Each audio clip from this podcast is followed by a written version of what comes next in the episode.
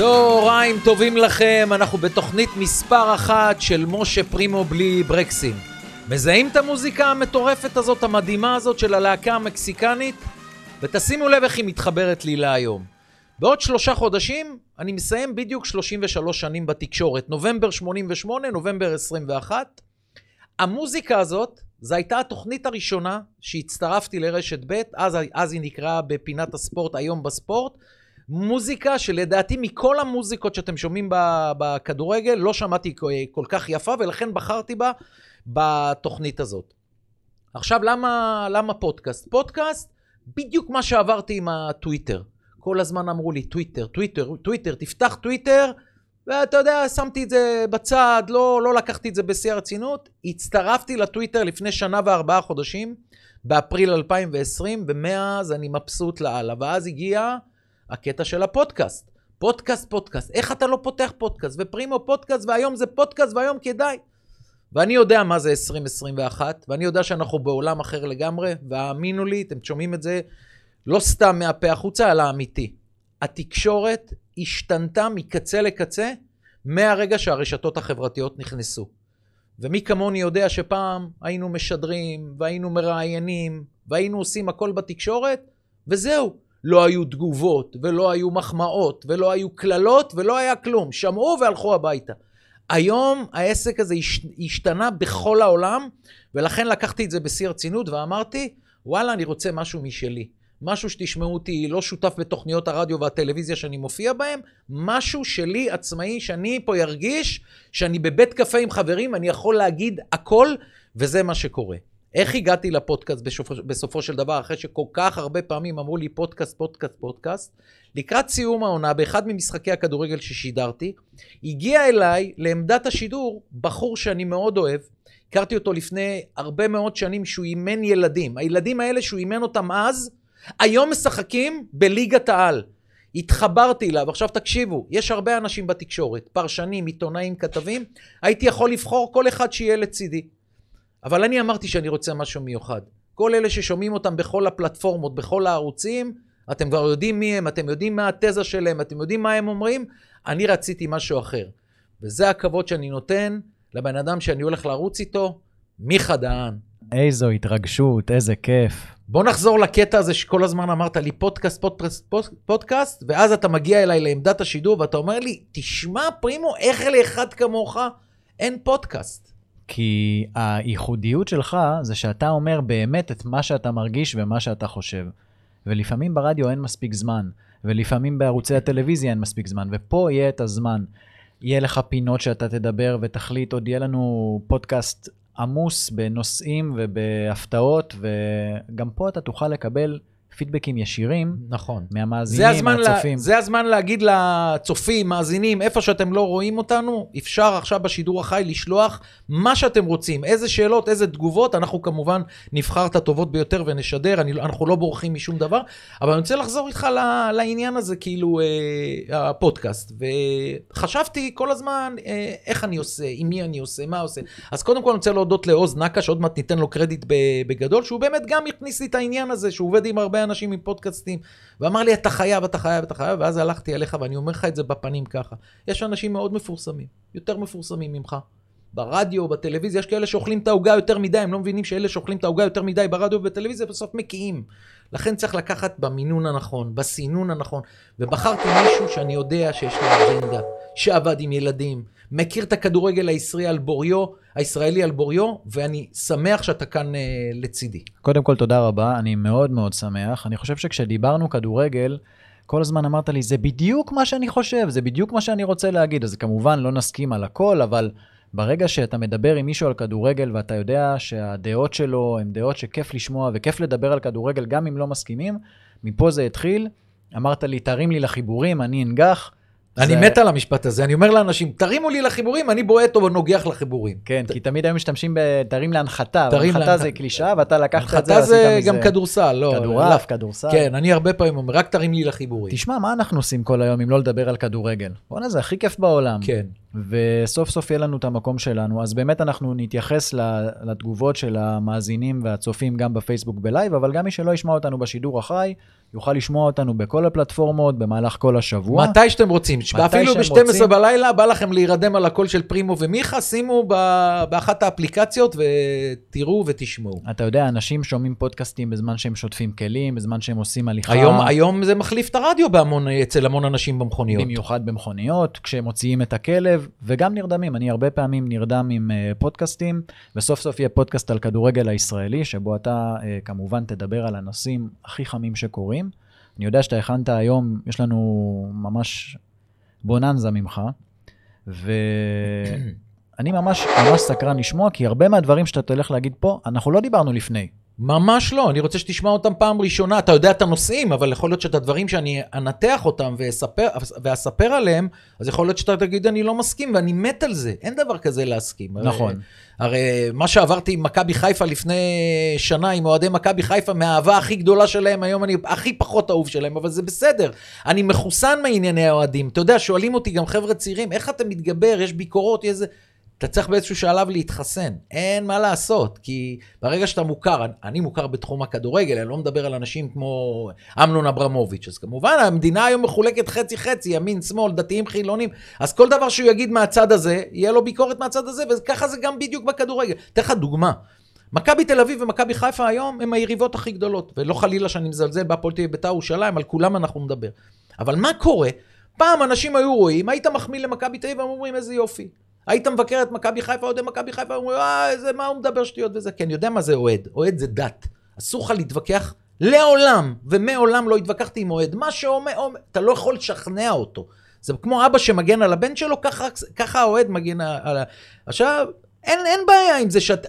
הדבר הכי חשוב, מיכה, ואתה מכיר אותי שנים, וכל אלה שמכירים אותי יודעים, יודעים לא רק מתחום הספורט, אמיתי, חד, לא בגלל שיגידו עליי ככה וככה, זה, וזה מה שאני הולך לעשות כאן בפודקאסט, להגיד את הדברים כמו שאני חושב אותם. נכון שיש לי עוד, פלפ, עוד פלטפורמות שאני יכול לדבר עליהן ברדיו וכולי, אבל לא תמיד זה, זה המקום המתאים. כאן זה שלי. ומה שאני רוצה לבקש ממך, עכשיו תחשוב שאני ואתה הולכים לאכול צהריים או הולכים לשתות קפה בבית קפה, ככה תהיה השיחה. לא שום דבר רשמי, אנחנו לא ביומן שישי בקשת 12, לא. אנחנו עכשיו בבית קפה, והולכים להסתלבט, והולכים ליהנות, והולכים לדבר על הכל, כן הסכמות, לא הסכמות, זה מה שהולך לקרות. אז אמרנו שנדבר היום על ביתר ירושלים, ונדבר על מכבי תל אביב, ומכבי חיפה, והפועל באר שבע, ויש לנו עוד שני נושאים, וכל כן. זה קורה בזכות הספונסרים שלנו. אני כן. מניח שאתה רוצה לציין. אז בוודאי, אז, ולומר? אז אנחנו נגיד אה, ככה, אז אה, תודה לנותני החסות שלנו, מדיאו, המינוי שכל משפחה חייבת לבריאות שלה, מהיום כל פרוצדורה רפואית מול קופת חולים, חברות הביטוח, ואפילו ביטוח לאומי, זה מדיאו.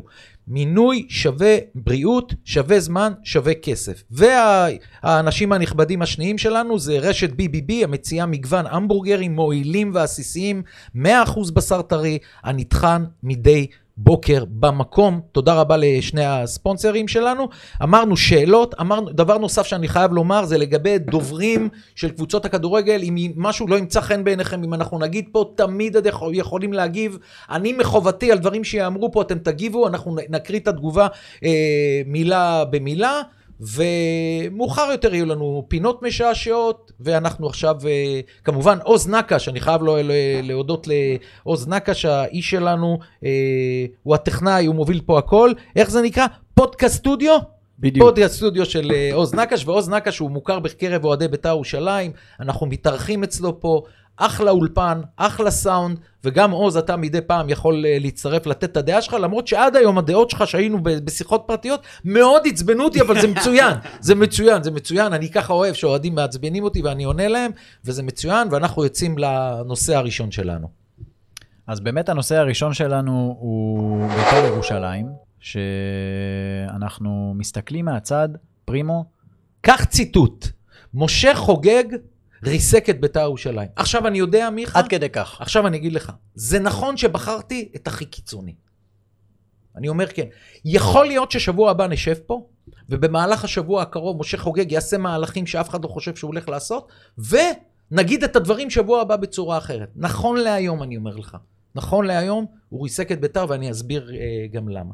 אני שם בצד את נושא המינויים, שהוא ניסה לעזור לאוהדים ולעשות להם... אה, הם, הם חשבו ככה, הוא חשב אחרת, הוא אמר זול, הם אמרו לא זול, שני ילדים קטנים, שם את זה בצד. למרות שצריך לדבר על זה.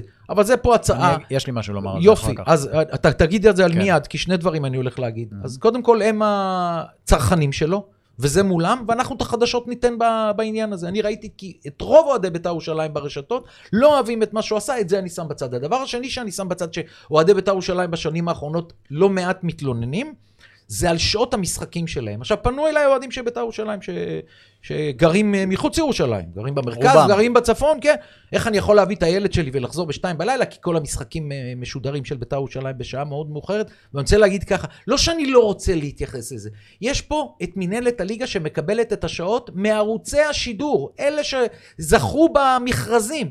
הם קובעים, ברגע שערוץ השידור קובע, ביתר ירושלים, הפועל באר שבע, בשעה רבע לתשע במחזור הראשון, גם המינהלת אין לה זכות דיבור. זהו, המשחק הוא ברבע לתשע. עכשיו, אני לא שאני לא מצדיק את האוהדים, האוהדים צודקים שהם לא יכולים לבוא עם ילד קטן ולחזור הביתה בשתיים בלילה. אני רק אומר שאין מה לעשות עם זה. זה. אני יכול לדבר על זה, אבל בשורה התחתונה, ערוצי התקשורת מבינים מה השעה הנוחה להם ביותר לשדר משחק של ביתר ירושלים נגד הפועל באר שבע. עכשיו תענה לי על שני הדברים, ולפני שניכנס לעניין של הריסוק קודם של כל, ביתר. ברור שיש בטדי הרבה בעיות. גם להגיע לירושלים בשעת לילה מאוחרת, והפקקים והחנייה, זה לא סימפטי, במיוחד בחורף, במיוחד ילדים. אני מניח שאם היו משחקים בשעה חמש אחר הצהריים... לא הגיוני בטדי, עכשיו גם לשחק בחמש. בחורף, אז היה הרבה יותר קהל. אבל הם אומרים שהם דתיים? נכון, ביתר ירושלים העבירה את כל משחקיה למוצאי שבת, בלי קשר למינהלת עוד לפני. מוצאי שבת ויום חול. הם, הם אף פעם לא משחקים חול. בשבת עצמה. אז אני אומר, אם היו משחקים בשבת בחמש במזג אוויר טוב, היה בטוח בא יותר קהל. אוקיי. זה לדעתי, כי היום רוב הקהל אני בית"ר גם אומר היום שבחורף רוב הקהל יבוא, שלוש אחרי צהריים שעת פתיחה. אתה זוכר את נכון. שירים ושערים הגדולה? חד משמעית. כן. אגב, ילדים יכולים להגיע, והמשפחות, והפועל תל אביב, אין אוהד של הפועל תל אביב, מכבי תל אביב, מכבי נתניה שלא אמר לי, תן לי כל שבת, בחורף כמובן, לא אוגוסט, משחק, כן. כל המשחקים שמתחילים בשלוש אחר הצהריים, אבל דיברנו על זה, זה זכויות השידור, רוצים לפצל, רוצים ימים, רוצים שעות, רוצים שכל אחד יראה משחק כדורגל ולא אחד שייפול בתוך השני. לכן אני אומר, חוזר ואומר, הדברים האלה הם נכונים, אתם הצרכנים, אוהדי הכדורגל, אני מבין אתכם. כל הטענות שלכם הן מוצדקות, אבל אנחנו בתקשורת יכולים לדבר על זה. לה, להגיד היום לחוגג, תן להם אה, כרטיס זה לא הוא ב-20 קובע. שקל, אה, מחיר, או, כן. או, או שלהגיד לחוגג, תעשה את בית"ר ירושלים בחמש אחרי צהריים, לא אנחנו קובעים, אנחנו יכולים לדבר על זה. ועכשיו אני הולך איתך לנושא המרכזי, למה הלכתי לכותרת הכי מפוצצת והכי קיצונית, הייתי יכול להיות, אה, אתה יודע, פלסטלינה, להגיד משהו שהוא חפיף לאללה, אבל לא, אני רוצה בכוונה, ואני אסביר. קודם כל, בגדול, בית"ר ירושלים, מהמועדונים הגדולים ביותר בארץ, בעבר הלא רחוק במיוחד, היא הייתה הקבוצה הכי מרגשת בכדורגל הישראלי, ומשה חוגג הביא אותה היום למצב שרוב האוהדים לא אוהבים מה שהוא עושה. למה? מה הוא עושה? זה הנושא הראשון שאני מדבר איתך על חוגג, ואתה תגיד. יש ניכור חד משמעי. עכשיו אני, אגיד- הם לא אגיד לך. מגיעים, הם אפאתיים. משה חוגג מחזיק את המקל בשני קצותיו, אוקיי? מה זה אומר? אומר, מצד אחד, אני משה חוגג, הבעלים של בית"ר ירושלים, זה טייטל מאוד מאוד גדול.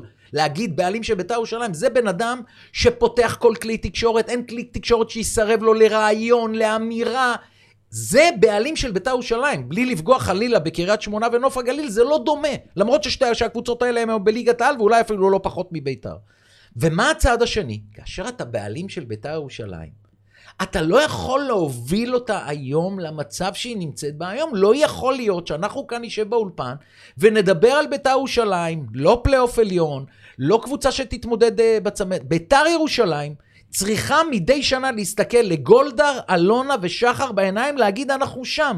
ומה שקרה, ועכשיו אתה תגיב, ומה שקרה, לאחר שהוא השקיע הרבה מאוד כסף, הוא הגיע למצב שהוא מבין שאין לו סיכוי לזכות באליפות. למה אני אומר אליפות? כי כשהוא קנה את ביתר, הוא אמר, החלום שלי לשמוע את מוזיקת ליגת האלופות בטדי, זה היה החלום שלו. הוא הבין אחרי כמה שנים שהחלום הזה נמוג, ומה שהוא עושה, אז הוא מחזיק ביד אחת את הטייטל של ביתר ירושלים, זה טייטל פה גבוה מאוד, ובצד השני לא נותן להם שום משהו, קומן ואוחנה עוד מעט תדבר על זה, לא נותן להם שום אפשרות להיות קבוצת כדורגל ברמה הבכירה בכדורגל. לא נותן להם אפשרות להצליח, את הכלים להצליח למעשה, בדיוק. ובתור בעל הבית, הוא חייב לספק, אתה לא יכול לבוא בטענות ל- אה, לשחקנים שנמצאים, כי הם לא מספיק טובים לא בשביל לעשות לשחקנים, אני אליפות. תכף אתה נדבר לא על יכול לבוא אוחנה. בטענות לאוחנה, שהוא לא יכול לקנות אולי, לא, לא, לא, על אוחנה יש לי טענות. אבל הוא לא יכול לבנות קבוצה שתרוץ לאליפות בתור מנהל בוא מקצועי. תשמע מה אני אומר. רגע, אני אגיד עוד דבר אחד. אני חושב, אם אני אשאל אותך עכשיו, פרימו, תגיד, מה, מה המטרה של הפודקאסט? יש לנו איזושהי מטרה. עשינו אימוני הכנה, עשינו פה שני פיילוטים, מין גביע הטוטו, היום אנחנו באים למחזור הראשון,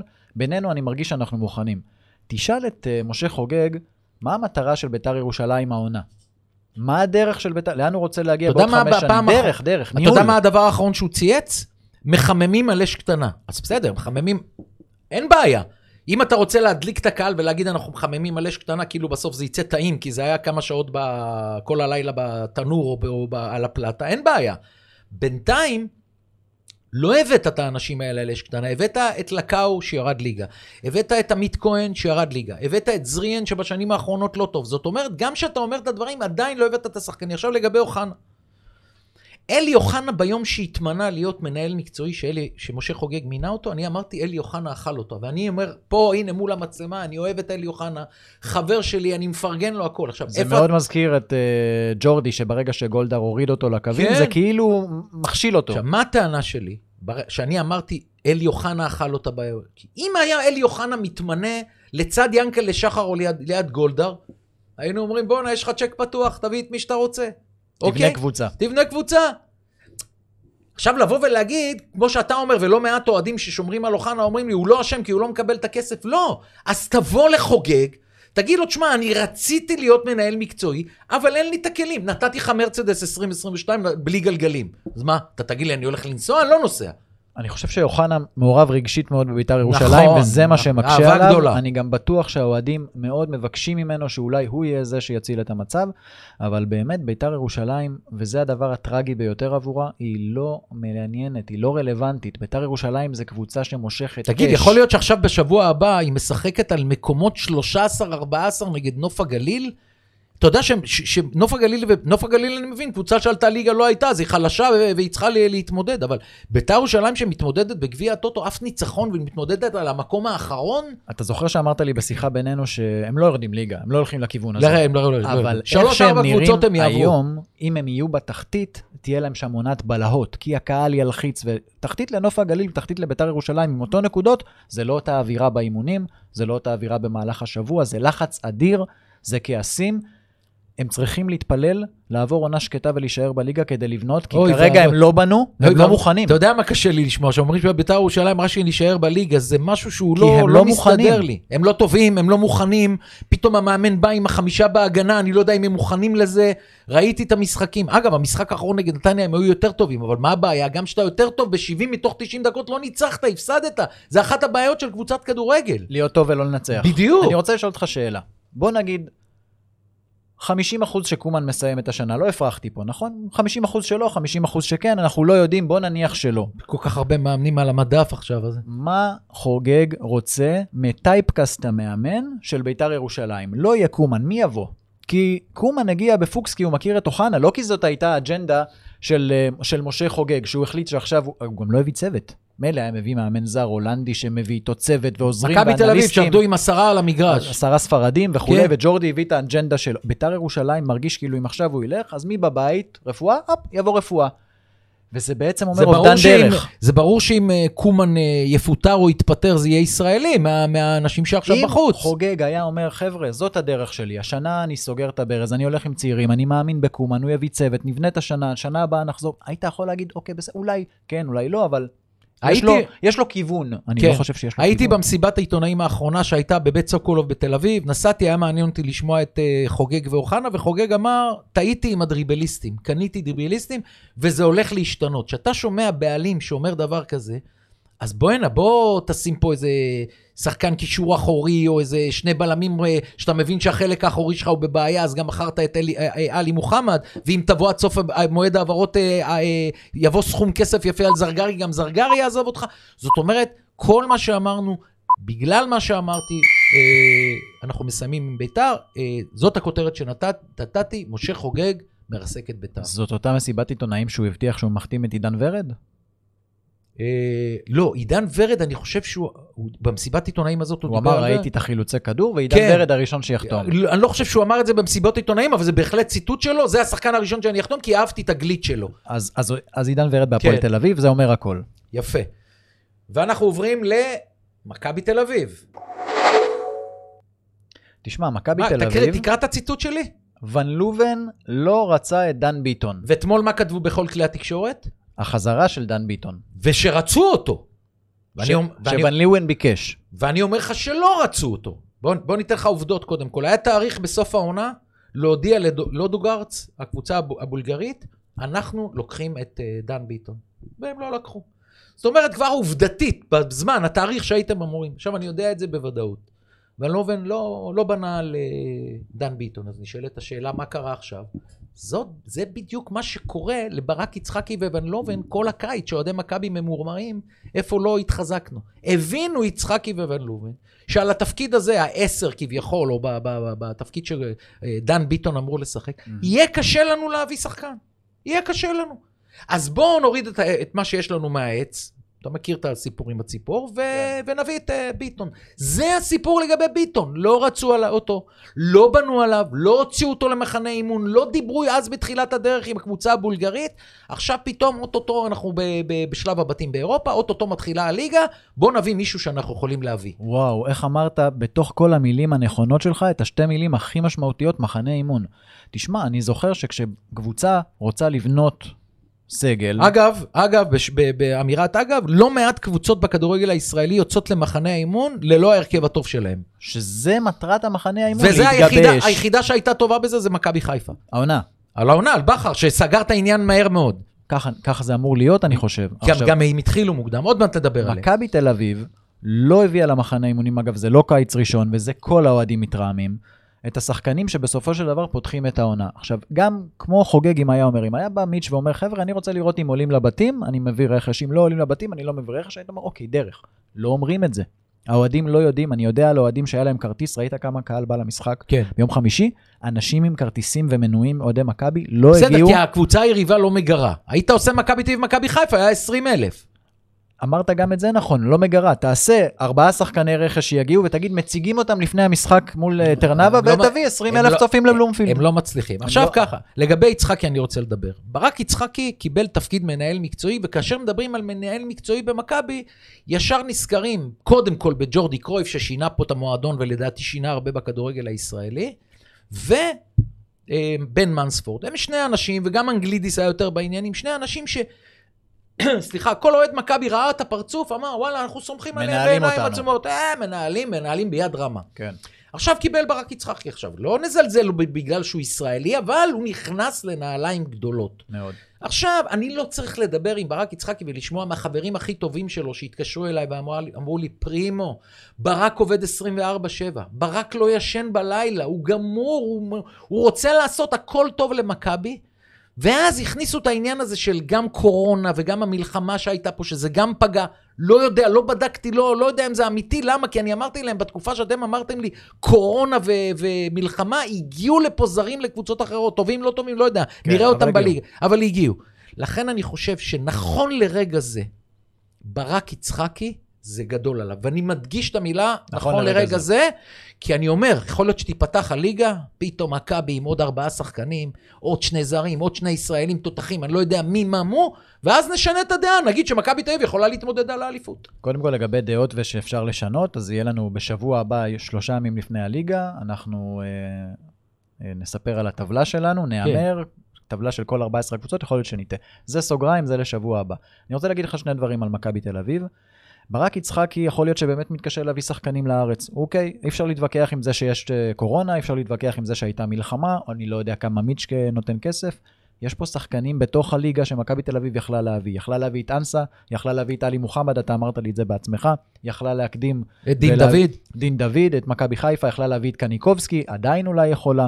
זה שחקנים שהיו פה, נמצאים פה, זאת אומרת, להגיד, לא הצלחתי להביא מבחוץ, זה הנחה לעשות לברק יצחקי, אני חושב שזה כישלון שהוא לא הצליח להביא למכבי תל אביב. עד עכשיו הכישלון, ואני אגיד לך למה. אני לא פוסל חלילה את הישראלים, דן ביטון אם יחתום, עדן שמיר. שמיר, חלילה ונחמיאס.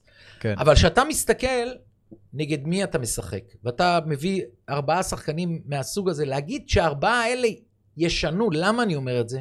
וזה אחת הנקודות הכי מפתח שיכולות להיות, כי בכל השנים האחרונות, מאיביץ' ורוורס אחורה, מכבי תל אביב היה לה סגל הרבה הרבה יותר טוב ממכבי חיפה. בשנה אחת זה התאפ... לא שמכבי, עוד לפני כן מכבי השתחררה, אנחנו זוכרים את סיפור אצילי ומיכה, שזה שתי אבדות מאוד מאוד גדולות, אבל בגדול, אתה מסתכל היום, סגל מכבי חיפה, אתה רואה מהפך של 180 מעלות לטובת נכון. מכבי חיפה, מה שלא היה... הרי שעשינו לפני שנתיים-שלוש, אמרנו, בוא נשחק עם ההרכבים השניים. ה-11 של מכבי תל אביב מול ה-11 של מכבי חיפה זה 3-4-0 למכבי תל אביב, זה לא קיים יותר. זה בדיוק התהפך, ולפני שאנחנו מגיעים למכבי חיפה, אנחנו לא נוגעים במכבי חיפה, אבל במכבי חיפה, אה, אז לא שיחק מנז'ק, ולא היה להם מי לשים בקישור, כי נטע לביא היה פצוע. עכשיו נטע לביא, כל תחילת העונה יש להם חמישה פצוע, קשרים, אין בעיה. קשרים, אין שום. יובל אשכנזי, שהוא אחרון בקישור במכבי חיפה, יכול לשחק בהרכב של מכבי. תל אביב היום. הדבר היחיד שיכול לעמוד אולי קצת לטובת מכבי תל אביב בהכנה הקלוקלת הזו, זה שאיכשהו חצי קבוצה מוכן. החלק האחורי, הרביעיית הגנה והקישור, מכבי, אני מסכים איתך, הביאו שחקנים לסגל. אה, בוא, בוא הביאו נעצור. מחליפים. בוא נעצור. הרביעיית האח- האחורית. אה, ג'רלדש וסבורית לא בכושר של השנים האחרונות, משמעית. עדיין לא טובים. הרננדז אני קומסי קומסה איתו, ונחמיאס ובלטקסה, חלק יראו לי טוב, חלק יראו לי לא טוב. זאת אומרת, אנחנו יכולים לנעול את עצמנו על רביעיית הגנה, ופתאום דניאל פרץ מפתיע. יכולה להתחיל הליגה והם יכולים לקבל גולים מצחיקים. אגב, גם ההגנה של מכבי אה, לא, לא מספיק טובה, ודבר נוסף על מכבי תל אביב. אתה יודע, אם היום ברק בכר, פתאום זז לו משהו בראש והוא רוצה את גבי קניקובסקי. לא, זה, שלא יחשבו שזה קורה, אבל זה, זה, לתת לך דוגמה לעומת... כן. מה, מה עושה ברק? מתקשר ליאנקלה שחר. שחר אחרי דקה מתקשר לאייל סגל. יכול להיות כל הסבב הזה, בכר, שחר, סגל. נסגר בעשר דקות. כן. עכשיו בוא תעשה את זה במכבי תל אביב. הוא לא עונה להם, הוא נמצא בקנדה, מגיע מייל, מגיע טלפון, הוא לא, הוא לא מבין שעכשיו צריך לסגור מהר מהר, ו... ואתה יודע, אם אתה יושב נניח עם שחקן, אתה סוגר איתו על 100 אלף דולר, אבל הסוכן מתעקש על 110 אלף דולר, ה-10 אלפים דולר האלה אתה צריך מיידי לקבל... זה בעייתי. אם הוא היה נותן, עכשיו תשמע את הסיפור הכי גדול, אם גולדהר היה אומר לו, קח 50 מיליון שקל, תעשה מה שאתה רוצה, הם שלך. זה לא הדברים האלה. בואנה, אומרים לי במכבי תל אביב, מאמנים של uh, קבוצות צעירות, כל דבר קטן צריך לעבור אישור. זה בעייתי מאוד מאוד העניין הזה. וחוששים מגולדהר, חוששים מישהו שם, אפילו עם בעל תפקיד בכיר, קח את יצחקי, קח את שרון תמם. אם הם יעשו משהו שלא ימצא חן בעיני גולדהר, כמו שהוא עם דוניס, מהיום למחר הוא פיטר אותו, הוא יכול לפטר אותם. משה, הכל מתחיל ונגמר בניהול. וכשמיץ' רצה, הוא שם את אנגלידיס ושם את ג'ורדי, והם היו, הם הנחיתו שחקנים בלי שאף אחד ידע, אז הם היו הראשונים להנחית ושחקנים על הפנים גם הגיעו פה במיליוני גם על דולרים. הפנים, ב- בהחלט, אה, הרשימה לא נגמרת, אבל גם הם הנחיתו למשל את אניימה בלי שאף אחד ידע שהוא נוחת, והיו פה שחקנים שהגיעו בשקט מוחלט, זאת אומרת שהם רצו לעשות עבודה, הם עשו עבודה, ואני חושב שמיץ' לא שם אנגלידיס, לא שם מנהל מקצועי כמו ג'ורדי, הוא, אני לא יודע אם הוא לקח צעד אחורה, אבל זה ניהול. ולמה אני אומר ניהול? מכבי תל אביב זאת הקבוצה, המועדון הגדול בישראל. עדיין, מכבי חיפה מזנבת יפה, נדבקת, מנסה אליפויות, תארים, קהל. מכבי תל אביב זה המועדון הגדול בישראל, כמו שרדבול זה המועדון הגדול זלצבורג באוסטריה. אוסטריה, אה, זלצבורג איבדו את מלך השערים שלהם לפני ארבע שנים, במקרה אנחנו מכירים אותו, מונס דאבור. איזה מחליף הם הביאו לו? הכי גדול בעולם היום, הלנד. הלך הלנד, יש להם היום חלוץ בן 19, עוד לא התחילה העונה, הוא כבר עם חמישה שערים. אבל יותר קל לבוא לשחק באוסטריה מאשר בישראל. הכל- בטח ברדבול לעומת... הכל אה, בהבדלי הרמות. זה כמו שכשקבוצה באירופה מפרקת קבוצה מהליגה השנייה 8-0, אז אני לא אומר שמכבי צריכה לפרק 8-0 קבוצה מהליגה השנייה שלנו, אבל היא יכולה להיות הרבה יותר דומיננטית, ולפעמים יש הבדלי רמות כל כך גדולים בניהול, שאתה אומר, בואנה, זה לא המועדון הגדול בישראל, תסתכל על ההרכב אחד לאחד. איך, בוני, איך, בודים, איך אה, בודקים אה, מועדון גדול? הרי יש הבדל גדול מאוד בין מועדון לקבוצת הכדורגל הבוגרת. יש לא, הבדל. אני, אני אגיד לך למה התכוונתי. אני מתכוון שאם מכבי תל אביב רוצה להיות מועדון גדול באמת כל הזמן, ולא רק שמיץ' מחליט שהוא נותן או לא, אז גם אם יש עונה לא טובה, אז היא מסיימת מקום שני כמו בשנה שעברה, אבל היא כבר יודעת שהולך דור פרץ והולך יונתן כהן, מכינה מחליפים, מכינה... עזבו את השחקנים ללא כסף, דסה, אין אה, בעיה, פרץ, כולם מתקדמים. דבור, איך יכול... לא, מתקד- גולדהר לא אוהב את זה, הוא גם, הוא גם אמר להם בפעם האחרונה, תעשו שזה לא יקרה הדברים האלה. אז. הנה, יונתן כהן קיב, קיבלו עליו 2.2. בעוד שנה, שנתיים גם הסגל הזה של מכבי חיפה יתחלף. זה טיבה של כל אלופה. נכון, נכון. שחקנים שלוקחים אליפות, קבוצה טובה שלוקחת אליפות, מתפרקת. עוזבים הלאה, פורסים כנפיים, יוצאים לאירופה, לקבוצות. צריך לשמר את זה. אתה יודע מי הקבוצה האחרונה בארץ לא לקחה שנתיים רצוף? קריית שמונה. מאז קריית שמונה, טוב, היא קבוצה קטנה, היא לא ב-level של מה הגדולות. זה אומר? שכל אלופה פה לוקחת לפחות שנתיים-שלוש. באר שבע, מכבי תל אביב, מכבי תל אביב פעמיים, עכשיו מכבי חיפה היא מובילה ברורה למועמדת לאליפות. זאת אומרת שיש פה עניין של הקבוצות שלקחו אליפות וכשהן יורדות, הן לא מצליחות לחזור אחרי שנה אחת. אתה מכבי תל אביב. פיינורד, אייאקס קנו את הקפטן של פיינורד. לא מכבי. תל אביב, תשקיע כסף, אתה הכי עשיר. תקנה, ביירן קנו לדורטמונד את לבנדובסקי בפנים. תקנה את, או אני לא יודע, נטע לביא, כאילו אבל בהג- לא, בהגדרה. אצלנו זה- אצלנו זה שונה. זה לא קורה. אצלנו זה לא קורה, לא יכול להיות מצב שכוכב של מכבי תל אביב או כוכב של מכבי חיפה, כמו שאתה אומר, מה- נקנה. נקנה מהקבוצה. אלון מזרחי ב-93-4 לקח מלך שערים שלוש שנים רצוף, נכון. מכבי תל אביב, לקחו אותו. כן, לא היה- הצליח, אבל נכון. היה מעבר, איציק זוהר לקח דאבל מכבי תל אביב, עבר לביתר ירושלים. הדברים האלה לא קורים. לא קורים אתה מועדון היום. גדול, שמע, אתה יש רוצה גם את. יניקובסקי, שים את הכסף. יש גם את האגו של אה, מכבי תל אביב ומכבי חיפה, מי יותר גדולה. ואתה רואה את זה גם ב... בדיבור של האוהדים. שיח אוהדים, כן. שיח אוהדים, אתה, אתה, שאתה שומע את הדוברים שלהם, איך הם מציגים את הקבוצה, והם עושים עבודה טובה לטובת הקבוצה. עכשיו, מה זה מועדון גדול? למה אמרתי לך יש הבדל בין מועדון גדול לקבוצת הכדורגל הבכירה, שהיא קבוצת הבוגרים? לא נכנס פה למחלקת נוער, יכולים לריב עד מחר מכבי תל אביב או מכבי חיפה, אני בכלל לא אומר שמכבי פתח תקווה הכי טוב לשחק שם, אבל לא, זה נושא למכבי פתח תקווה יהיה לנו. לסיום, כי אנחנו צריכים לעבור נושא, מה זה מועדון גדול? מועדון גדול, קודם כל, זה תארים והיסטוריה. ובזה, מכבי תל אביב עדיפה על מכבי חיפה. עכשיו, ת, תבוא ותגיד, איצטדיון וקהל, לשני המועדונים האלה, שווה. בלומפילד וסמי עופר, יכולים למלא שניהם 30 אלף איש. זאת אומרת, בקטע ההווה, מכבי תל אביב ומכבי חיפה שווים, אבל אם אנחנו רוצים שובר שוויון, פשוט למכבי תל אביב יש יותר uh, תארים. אבל שני מועדונים הכי גדולים, והייתי אומר בי פאר, למרות שאלונה ברקת מזדנבת יפה מאוד, ועוד מעט אנחנו נדבר על, uh, על uh, הפועל uh, באר שבע. מה זה מזדנבת? זה אומר שכבר מכבי תל אביב לא בטוחה בתור המקום עוד, השני. עוד מעט, יש לנו נושא לדיון לא עם, עם, עם הפועל באר. שבע. אנחנו עוברים למכבי חיפה. קח ציטוט: אל תמהרו להכתיר את חיפה לאלופה. עכשיו, הרבה אנשים ירימו גבה, מה, סגל הכי טוב, מאמן הכי טוב, באמת שהוא יותר טוב מוון לובן, והכל נכון. אבל אני רוצה להגיד לכל האנשים, תלמדו מניסיון. ומה הניסיון שלי אומר? כולנו יודעים איך אנחנו פותחים את העונה. אף אחד מאיתנו, כולל שחר ובכר, לא יודעים מה יקרה במהלך העונה. מורחקים, קורונה. פציעות, קורונה, יכולת לא טובה, כן קהל, לא קהל. שמע, אלה דברים שמשפיעים על קבוצת כדורגל. וכאשר היום מזדנבות במכבי חיפה, מכבי תל אביב ובאר שבע, ששתי הקבוצות האלה בהרבה סימני שאלה בתוך המועדון, זאת אומרת, גם אצלם אין לנו מושג מה נראה עוד חודש, חודשיים וחצי שנה.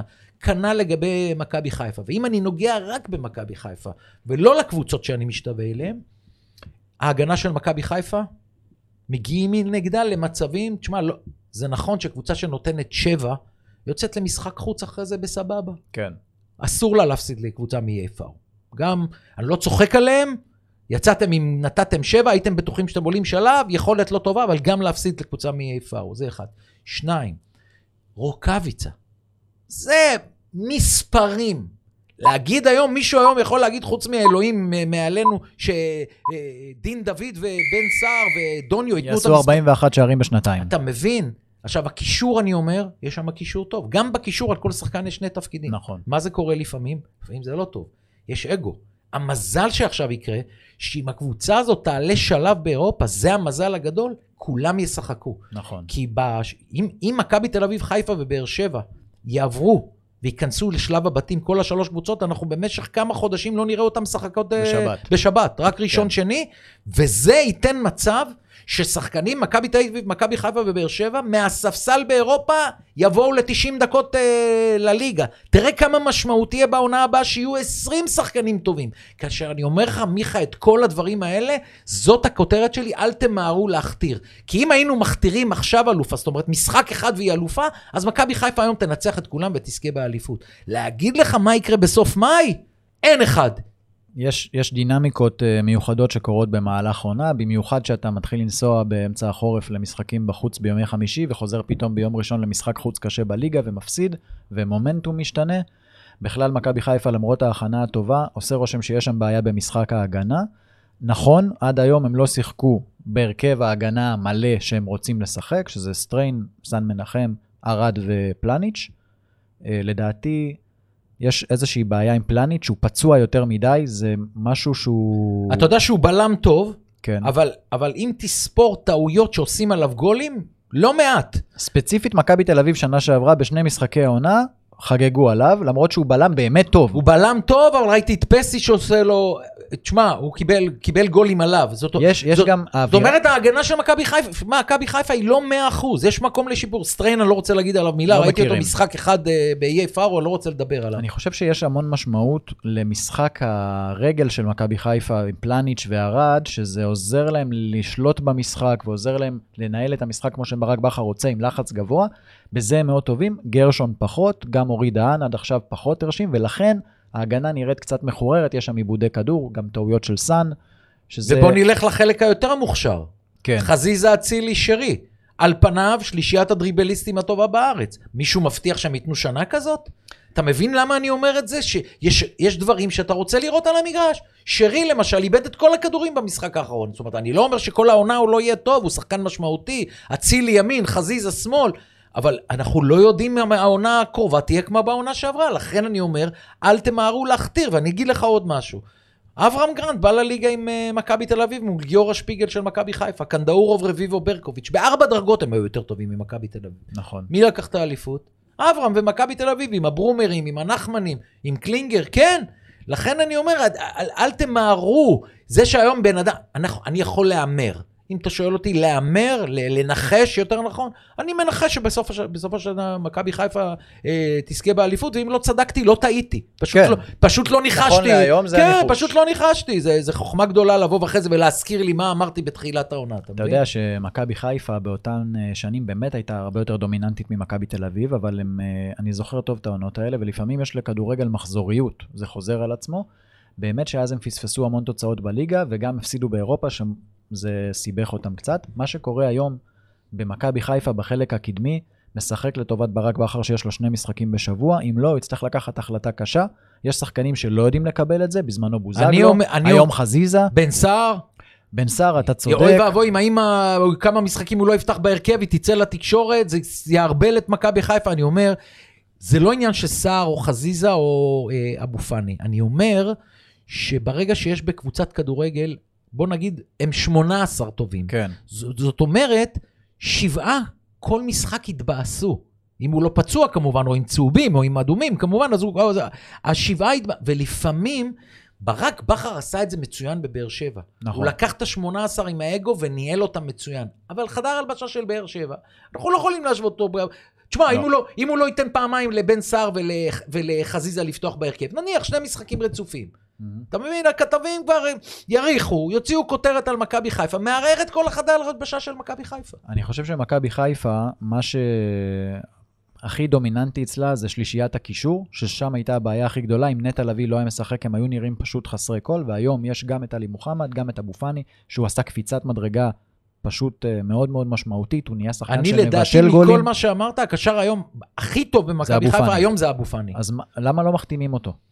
זה לא שלא... ואגב, אם אני יצחקי, אני שם עליו את כל הז'יטונים ו- ו- ולוקח אותו, כי זה גם אבל יש תודעה, לו, אבל משנה יש, תודעה. יש לו עוד שנה. לכל אחד יש מחיר. לכל אחד יש מחיר. גם ש... בסוף הוא ילך בחינם. גם כשמכבי תל אביב רצו את זרגרי, אה, חוגג אמר לכל אחד יש מחיר, אבל הוא זרק מחיר שמשלמים רק לשחקנים אה, מוכחים בספרד. אני רק רוצה לומר שלגבי אבו פאני, כן. אה, אתה זוכר שני שחקנים, בכוונה אני אומר לך, אתה זוכר, טוואטחה ועווד? כן. אני לפני כמה שנים אמרתי, טוואטחה מגן שמאלי הכי טוב בארץ, והעווד מתפתח להיות אחד החלוצים הטובים בארץ. הם היום לא במכבי חיפה, הם לא בסגל, הם לא, ב... לא בתוכניות. לא בתוכניות, לא בפיירול בכלל. מהמם. אני מאוד מאוד מקווה בשביל, בשביל אבו פאני, אני לא יודע מה ינקלה שחר אה, עושה, ואני לא נכנס לכיסו של אף בעלים מעולם. אם לא הצלחת להגיע איתו למצב שאתה מחתים אותו, אני לא יודע מה מצבו של אבו פאני. אם יתחילו לא לשים אותו בהרכב, אולי ירמזו לו, הלו, או שאתה חותם או שאתה רואה איפה אתה יושב. כי הבנתי שלקראת המשחק הקרוב ביום חמישי אולי הוא לא פותח בהרכב. האם זה רמז? האם זה החלטה מקצועית?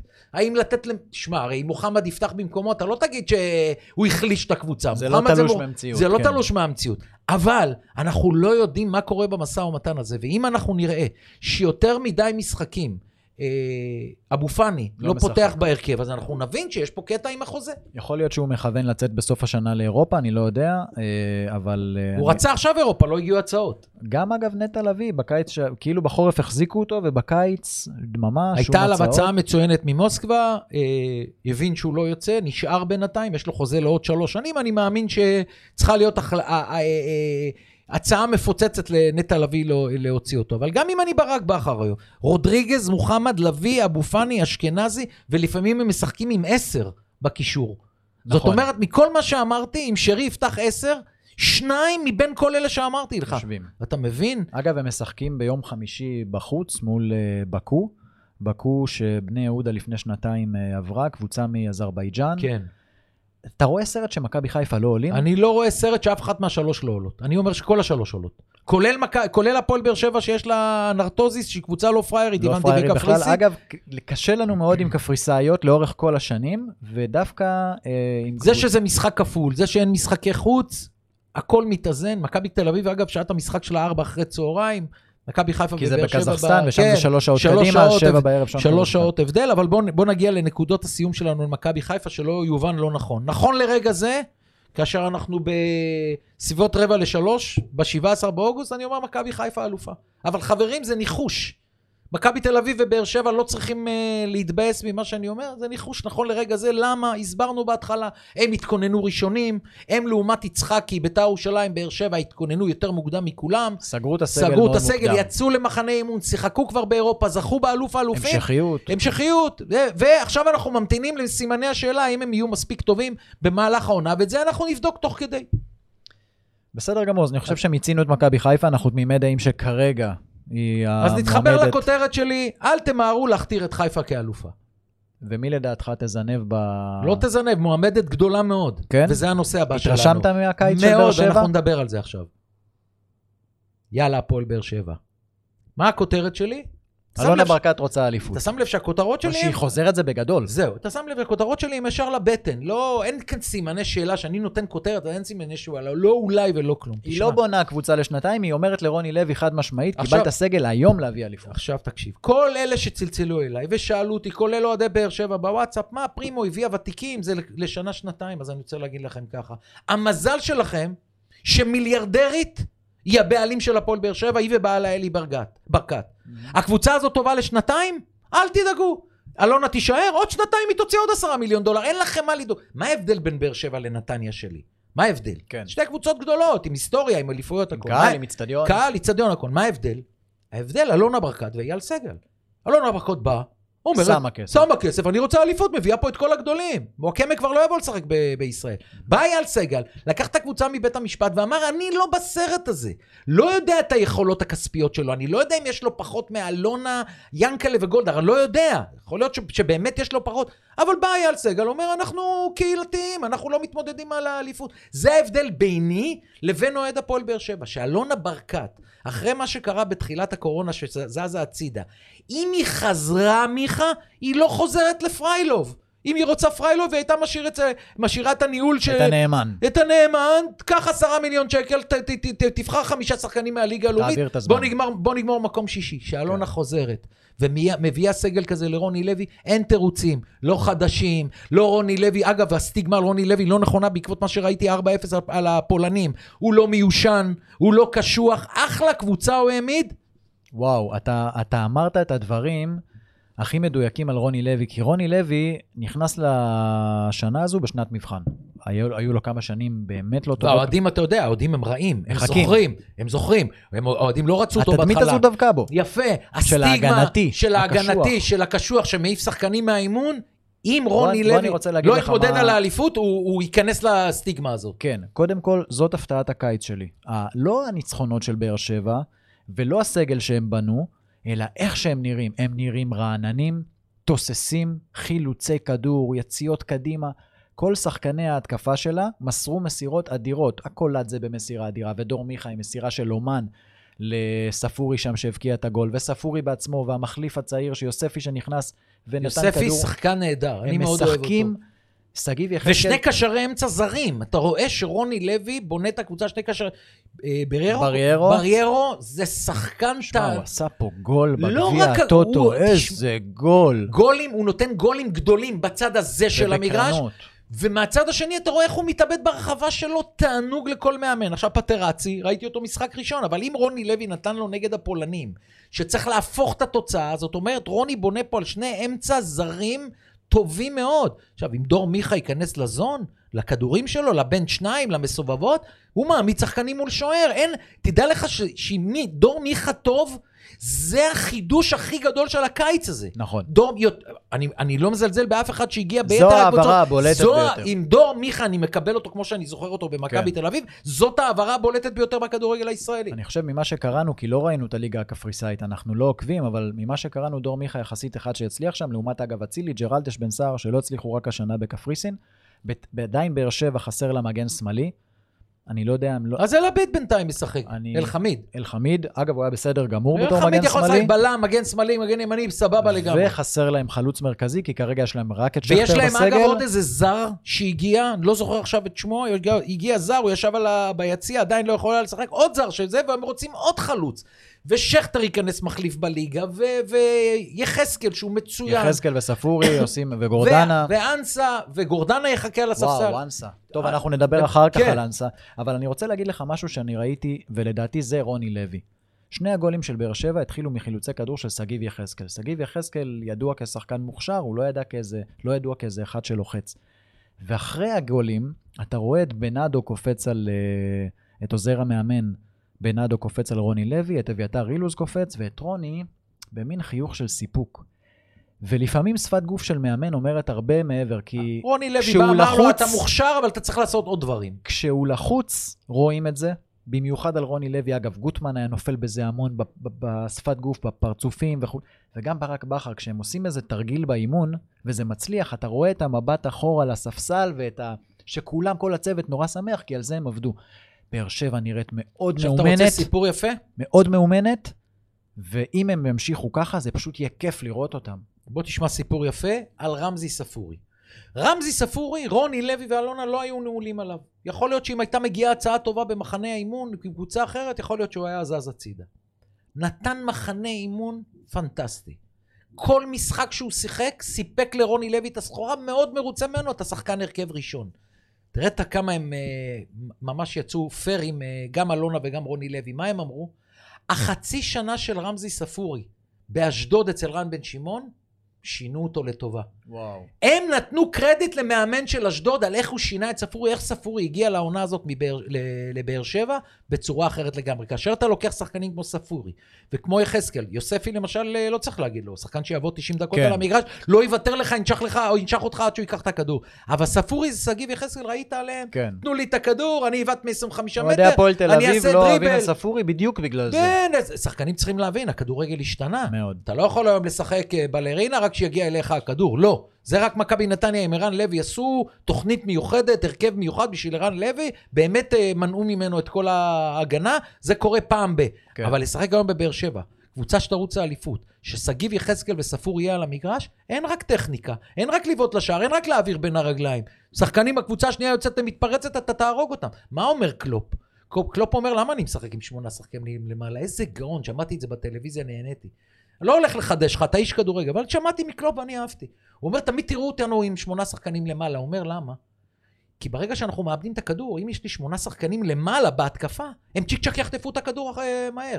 כי אם הם לא חוטפים, והקבוצה השנייה היא צריכה להעביר כדור מצד לצד, השחקנים שלי צריכים לרוץ 100 מטר אחורה. אני רוצה למנוע מהם לרוץ 100 מטר אחורה. קחו את הכדור שאיבדתם, אתם שמונה שמה. איזה גאון! אה, והוא הוא ועוד המאמנים הגדולים משנים את זה שאתה רואה גם כמובן ברמה הרבה יותר נמוכה, שגם הקבוצות פה מנסות להניע את הכדור מאחורה, והקבוצות השניות לוחצות, לוחצות גבוה קוראים לזה היום. קבוצות בהחלט מנסות אה, אה, להרוויח את הכדורים, וכמו שאמרנו, שני הגולים של באר שבע, אתה אמרת וזרקת משהו על אה, מכבי נתניה, מכבי פתח תקווה וכולי, ואז אמרת, ואז אמרת שפרגנו לרן בן שמעון באשדוד. קודם כל, זה כיף לשמוע פרגון בכדורגל הישראלי אם בין זה, קולגות. ב, אם זה היה תלוי באלונה לפני שנה, רן היה מאמן באר שבע. אבל אתה נכון. זוכר את הסיפור עם ג'קי, הוא לא שחרר אותו. וזה מה שמביא אותי בדיוק לעשות אולי closure, סגירה למה שדיברנו קודם על ניהול. כי תסתכל את הקבוצות שהיו, דשדשו הרבה שנים, ופתאום אשדוד תפסה לה את רן בן שמעון, שהוא יהיה פיגורה, שיקדם צעירים, שחררה חצי סגל. אתה דואג השנה לאשדוד? אני אומר לך ככה, אנחנו מסיימים את הקטע הזה, אבל אני, בגלל שזרקת לי על קבוצות כמו אשדוד ומכבי פתח תקווה, הם ש- שהן יש להן דרך של מחלקת נוער, יפה, יפה. ודרך של מועדון. אתה הם- יודע בדיוק מה אתה הולך לקבל בדיוק. מהמועדון. הם הפתיעו מאוד בעונה שעברה, היו בפלייאוף העליון, לא בטוח שהשנה, כי אין לנו מושג איך ישחקו נתניה, הפועל תל אביב, בית"ר ירושלים, הפועל חיפה, קריית שמונה, סכנין, יש לנו יותר מדי קבוצות אמצע כאלה, ששלוש מהם יתגב, אה, יתחברו לפלייאוף. אני מדבר רחב יותר. שאשדוד לקחה את רן בן שמעון כמאמן שאתה יודע שמצבו שם מאוד יציב. מכבי פתח תקווה, יש גיא דרך, לוזון, יש דרך של מחלקת נוער. הצעירים בנערים א' מסומנים לשחק ו... בהרכב ולא הראשון נורא, הם יהיו בבוגרים. מקום שמיני. אין להם בעיה. בדיוק, יש אבי, דרך. אבי לוזון על אה, ליאל עבדה ועל מנור סלומון סידר עשר שנים תקציב קדימה למכבי פתח תקווה. זה להבדיל, הקבוצות הללו, ואגב זה במידות שלהם, להבדיל מבית"ר ירושלים, שהיא לא יכולה לה, להצהיר על דבר כזה, אבל היא גם לא מצהירה על שום כן. דרך אחרת. כן. אבל זה לגבי uh, באר שבע. אתה צריך היום להמר, היום, באר שבע מקום שני או שלישי? אז זהו, תשמע. אה, או ראשון. שלוש הראשונות, אני לא הולך להפתיע אף אחד. אלה שלוש הראשונות שלי, אה, להפך, אם קבוצה תתברג בשלוש הראשונות ולא מכבי חיפה, באר שבע ומכבי תל אביב, אז uh, זה יפתיע אותי מאוד. אני באמת לא רואה היום קבוצה שעשתה איזה משהו מיוחד שאני אגיד, היא יכולה לסכן את uh, מכבי תל אביב, עם כל מה שדיברנו, עדיין יותר טובה מ-11 קבוצות, מ-10 קבוצות. מבאר שבע? מכבי זהו. באר שבע, מי ש- נראה לך היום? נכון היום, לנקודת היום, ה-17 היום, ו-? ואני אומר לצופים ומאזינים שלנו, שבוע הבא אני יכול לשנות את זה. היום, אם אני מדרג את, ה- את היכולת, מכבי חיפה, ראשונה, מעט אחריה, באר שבע, ואחרי שתיהן, מכבי תל אביב. זה נכון להיום. טוב, אז כמו שיהיו לנו עוד הרבה שינויים בטבלה, ונדבר על זה ונשנה, ויהיו לנו גם פינות, ואנחנו מקבלים את התגובות אה, בשידור חי אה, יש משהו בפייסבוק. מעניין? אה, לא בשביל שכרגע אנחנו אה, נספר את זה, זה משהו לא לשידור פה ששלחו, אבל אה, אנחנו בהחלט מצפים לתגובות שלכם, אנחנו גם נשתפר, ככל שהעונה תתקדם, גם אנחנו עוד נלמד דברים ונשנה. אני רק רוצה להזכיר שכל מי ששומע אותנו והוא גילה שהוא פספס את ה live, יוכל לשמוע אותנו במהלך כל השבוע, זה יעלה לכל הפלטפורמות, עוד נעדכן ונשלח לינקים, וזה מביא אותנו לפינה, כן? שאתמול בערב אתה הדלקת אותי עם כן. הפינה הזו, כן. ואני משאיר לך לספר עליה. אז כן. אז קודם כל, הפינה היא בחסות מדיו. תן לנו, תן לנו את הדבר המדהים הזה. וואו, איזה מוזיקה.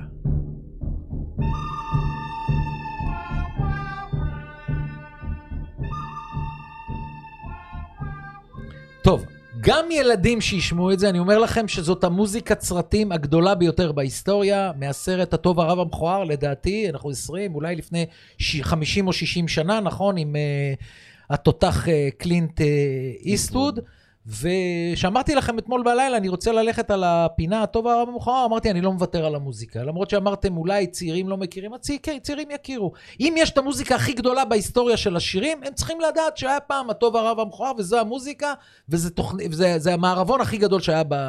בהיסטוריה, ואנחנו הולכים לכיוון הטוב הרב המכוער. תראה, להגיד הטוב הרב המכוער, אז הטוב בוודאי אין לי בעיה איתו. זה כיף. זה כיף, מחמיא לו. הרב המכוער, לקחתי את זה מהסרט. אל תראו בזה שאתם רעים, ואל תראו בזה שאתם אה, מכוערים. גם, בת... גם כשאנחנו קוראים את ההגדה של פסח, אנחנו אומרים אה, שאינו יודע לשאול, נו, רשע, תם, רשע חכם. תם, חכם, אני לא יודע, אז חכם כיף, תם גם כיף וזה, אבל פתאום רשע. מה, אתה רשע? לכן אני אומר ש... לא לקחת את זה לא, כמילה... קחו את זה ככותרת, כותרת. ותנסו אה, להשתפר, לא זה, והטוב שלי. אני מתחיל עם הטוב. נגעת בו בקטנה, והוא אחד, הש... זה השחקן שהכי הרשים אותי בקיץ, שלא האמנתי שהוא יכול להגיע לרמות כאלה, יוג'ין אנסה, מהפועל באר שבע. הפועל באר שבע. עשה פתיחת עונה באמת מרשימה. מגיע למספרים ליד השער, כובש את השערים, מה שחשבנו שאולי בקריית שמונה הוא לא כל כך יכול להבקיע שערים, זה נראה שהוא כן.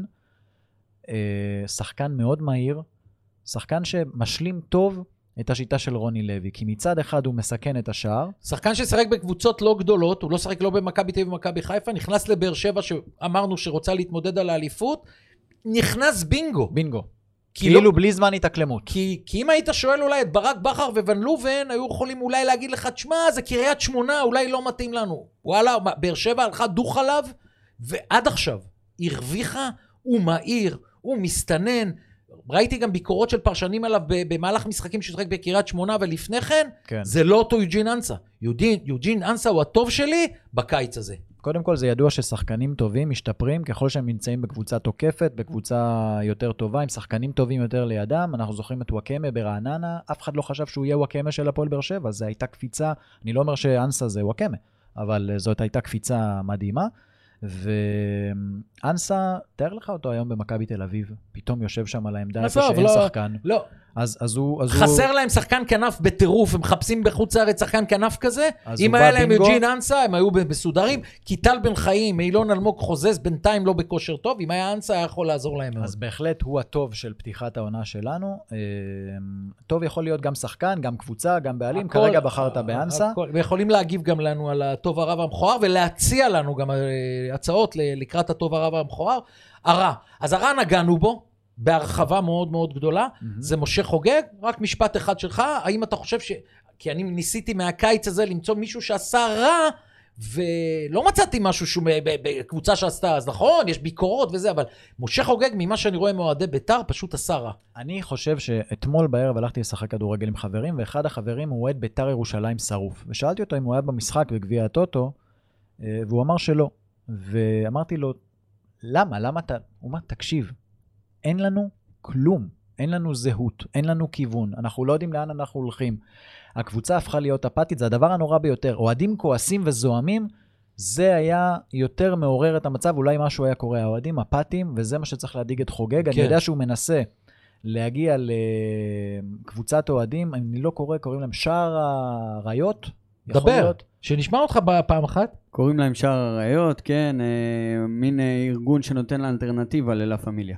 האוהדים השפויים של בית"ר ירושלים, הרוב, אוקיי. אגב, השקט. שאומרים שפויים ואומרים לה פמיליה, אם אני לוקח את כל אוהדי בית"ר ירושלים באחוזים, 80 אחוז הם אוהדים טובים שרוצים קבוצה מאוד. בלי להציק למועדון. נכון. זה שכל הזמן משה חוגג, ואת זה פספסתי, לא אמרתי את זה קודם בדיון, ואני אגיד את זה עכשיו, זה שמשה חוגג כל הזמן מדבר על מלחמה בגזענות, ומלחמה בלה פמיליה, ומלחמה ומלחמה, מלחמה היא בסדר, תעשה אותה, אבל זו לא המהות של בית"ר ירושלים, המהות היא קודם כל קבוצת כדורגל טובה לאוהדים. זה שיש כמה שורכים ואתה נלחם איתם, עם המלחמה, עם ההתאחדות לכדורגל, עם בתי הדין, סבבה לגמרי, אבל משה, זה לא המהות. קודם תעשה קבוצה, ובמקביל ת, ת, תילחם. אני מאוד מקווה שביתר ירושלים תצליח אה, לחזור ולהיות רלוונטית. ביתר ירושלים אפתית זה רע לליגה. מילה טובה למשה חוגג, על? על התקדים שהוא עשה יחד עם המינהלת של אוהדים שבאים אין מה לפגוע לדבר. גם במשחקי הבית וגם במשחקי החוץ. אין מה לדבר. זה היסטורי, חבר'ה. נכון. אם המינהלת קיבלה את זה, זה קיבלה. היסטורי, ואוהדים לא יכלו להגיד, אין, אין בעיה, לא ניכנס לטדי, ניכנס לנתניה, אז לא. ואנחנו עוברים למכוער. עכשיו תשמע, אני יודע, מכוער זה דבר נוראי, אבל אני הלכתי על הקטע של הסרט, ותיקחו את זה ככה, ואני רוצה להגיד על המכוער, מי האיש שלי המכוער, וזה בן רייכרד. ולהגיד לו, בן, אני אומר לך את הדברים האלה, רק בשביל שתשתפר. ראיתי אותך במשחקים לא מעט שנים, ראיתי אותך השנה בגביע הטוטו, אתה פשוט עושה הכל לחברים שלך לגרום להם לפציעות, אתה מתנהג לא כמו שצריך. די, האוהדים והפרשנים והתקשורת וכולם ומאמנים לא יכולים לראות שחקנים בסגנון הזה. שחק לטובת הקבוצה שלך. גיא לוזון נתן לך חוזה במכבי פתח תקווה, תראה את היכולת שלך עם הכדור. מספיק עם הכניסות, מספיק עם הקללות, מספיק עם ההתקהלויות. אני אומר לך, זה לטובתך, אני מקווה שמשהו קטן ממה שאומר ייכנס לך לראש. גם אני מקווה, אני מכיר את בן מאז שהוא היה מאוד מאוד צעיר. אני חושב שבן רייכרט עבר איזשהו גבול ב- ב- בקיץ הזה. טוב לא יהיה, יעשה, לו יהיה הוגן. פתאום יתחיל ללחוץ ידיים אחרי גליצ'ים, אין בעיה שהוא עושה גליץ' חזק. אה, שפו- ראיתי אותו כמה פעמים בלי קשר למשחק, איך הוא נכנס בשחקן. זה חבר שלך, מה אתה נכון. רוצה לפצוע אותו? כי בסופו של דבר, אם זה ימשיך ככה, מאמנים יפסיקו אה, לקחת ולהאמין בו. והוא קיבל צ'אנס, אבי לוזון וגיא לוזון הימרו עליך, קבוצה חדשה, אתה צריך לשכוח את כל הסכסוכים והוויכוחים שהיה לך עם שום בכפר סבא, זהו, קיבלת ליגת העל, לא ליגה לאומית כפר סבא, ליגת העל. ו- ואתה יכול להתקדם מקצועית אצל גיא לוזון, ובטוח שאבי לוזון גם לא, לא נתן לך סכומים יפים כל... אה, נתן לך סכומים יפים כל אה, חודש. תראה את זה עם הכדור ולא מעבר לזה. אני מאוד מקווה בשבילו. אני, אנחנו לקראת סיום, אני רוצה לשאול אותך, אנחנו... אתה הרגשת שעברה שעה? לא, אני אמרתי לך שאני מעניין מאוד, ותמיד מי שישב לידי שעה תעבור אצלו בקלות. השעה עברה לי מהר מאוד. איך היה עוז? היה מעולה. האמת, פעם ראשונה, הכל עבר חלק, כל הכבוד לכם. אני... כל הכבוד לך על אני רוצה- הצד אני רוצה- הטכני וההפקה. אני באמת רוצה להגיד שאנחנו מאוד מאוד מחכים לתגובות. תגובות הם יכולים להגיב בפייסבוק ובאינסטגרם, ואנחנו נהיה גם בדף של אה, משה פרימו באנגלית אה, בטוויטר. אתם יכולים להיכנס וללחוץ משה טוויטר, משה פרימו שהוא אושייה בטוויטר. עם uh, כמה עוקבים יש לך? אני עוד מעט אה, שנה וארבעה חודשים מתקרב לעשרת אלפים. תגיד, לא תכננו את השאלה הזאת עכשיו, זה בא לי מהבטן. כי אני רוצה לסיים על, עם משהו אחר, אבל תשאל אותי. מה גילית בטוויטר? מה שונה מכל מה? מה שאתה מכיר, כל האנשים, כל גיליתי, החיים? ג, גיליתי מה גילו עליי. אין יותר תשובה יותר טובה מזה. גיליתי מה גילו עליי, והיה לי שיחות עם המון אנשים בטוויטר, שאמרו לי, בואנה, לא אהבנו אותך. היית סדין אדום בשבילנו, לא יכולנו לשמוע אותך. ואמרתי, אלוהים, מה, הייתי כזה מפלצת בטלוויזיה? אז נכון, הייתי לפעמים uh, מעביר ביקורת בקשיחות, ויכול להיות שלפעמים מילים שלא הייתי צריך לומר. פתאום הגעתי לטוויטר, וואלה, הכירו את... אה, מדבר על עצמי בגולף שלישי, הכירו משה פרימו אחר לגמרי. וזה הדבר הכי גדול שקרה לי, באמת. שגיליתי על עצמי משהו אחר, מהם, שהם נתנו לי את תחושת הפידבק הזה. ואני רוצה לסיים עם משהו, לא מהארץ שלנו, אבל כשיש מסי, אז מדברים על מסי. ואני הולך להגיד לך פה משהו, אני לא עיתונאי ספרדי, לא דיברתי לא עם מסי ולא עם אה, לפוארטו, אבל אני עיתונאי מספיק ותיק ומנוסה לעשות תמיד אחד ועוד אחד. עד היום אני קורא את כל מה שקורה בתוך ברצלונה מתקשורת ספרדית, ולא האמנתי בחיי שהשחקן הכי גדול בהיסטוריה, לדעתי, ייזרק מברצלונה. אתה אומר שהוא נזרק או שפשוט לא רצו אותו? מה, מה? יש, יש פה המון שלא יצא החוצה, רואים את זה בגמגומים של עכשיו- הנשיא. אני עכשיו מסביר. אני כן. עכשיו מסביר למה הוא נזרק. ישב הנשיא ואמר שבגלל מצב כלכלי, הליגה. כן, לא יכולנו אה, כן. ל- להחתים את מסי. Mm. עכשיו, אתה יודע מה הקטע? כמה מסי סגר איתם אה, חוזה לשנה? אני לא יודע, אני לא 20 בקיא מיליון יורו, ואני אומר- אבל הרבה פחות ממה 20 שהיה... 20 מיליון, הוא אמר, כן. 20 מיליון. בוא נגיד עם המיסים, 40 מיליון יורו. ברצלונה זורקת את מסי בגלל 40 יו- מיליון יורו, כל שני ילדים שאתה מוכר אתה מקבל 40 מיליון יורו. היית מוכר את גריזמן אתה מקבל 100 מיליון יורו. נכון. על מה אתה בא לספר סיפורים? זרקו אותו, ואני מעלה השערה. יכול להיות שגם קומן וגם לא פוארטו, בארבע עיניים, בחדרי חדרים, אמרו די להיות תלויים בו, זה ההזדמנות לשחרר אותו, וזה מה שקרה. מסי הגדול בהיסטוריה נזרק. ומסי עשה טעות שהלך לנבחרת העולם לפריס סן ג'רמן. כאן אני תמיד אומר שמסי טוב יותר ממרדונה. מרדונה עשה מהלך ענק. מרדונה הלך לנפולי.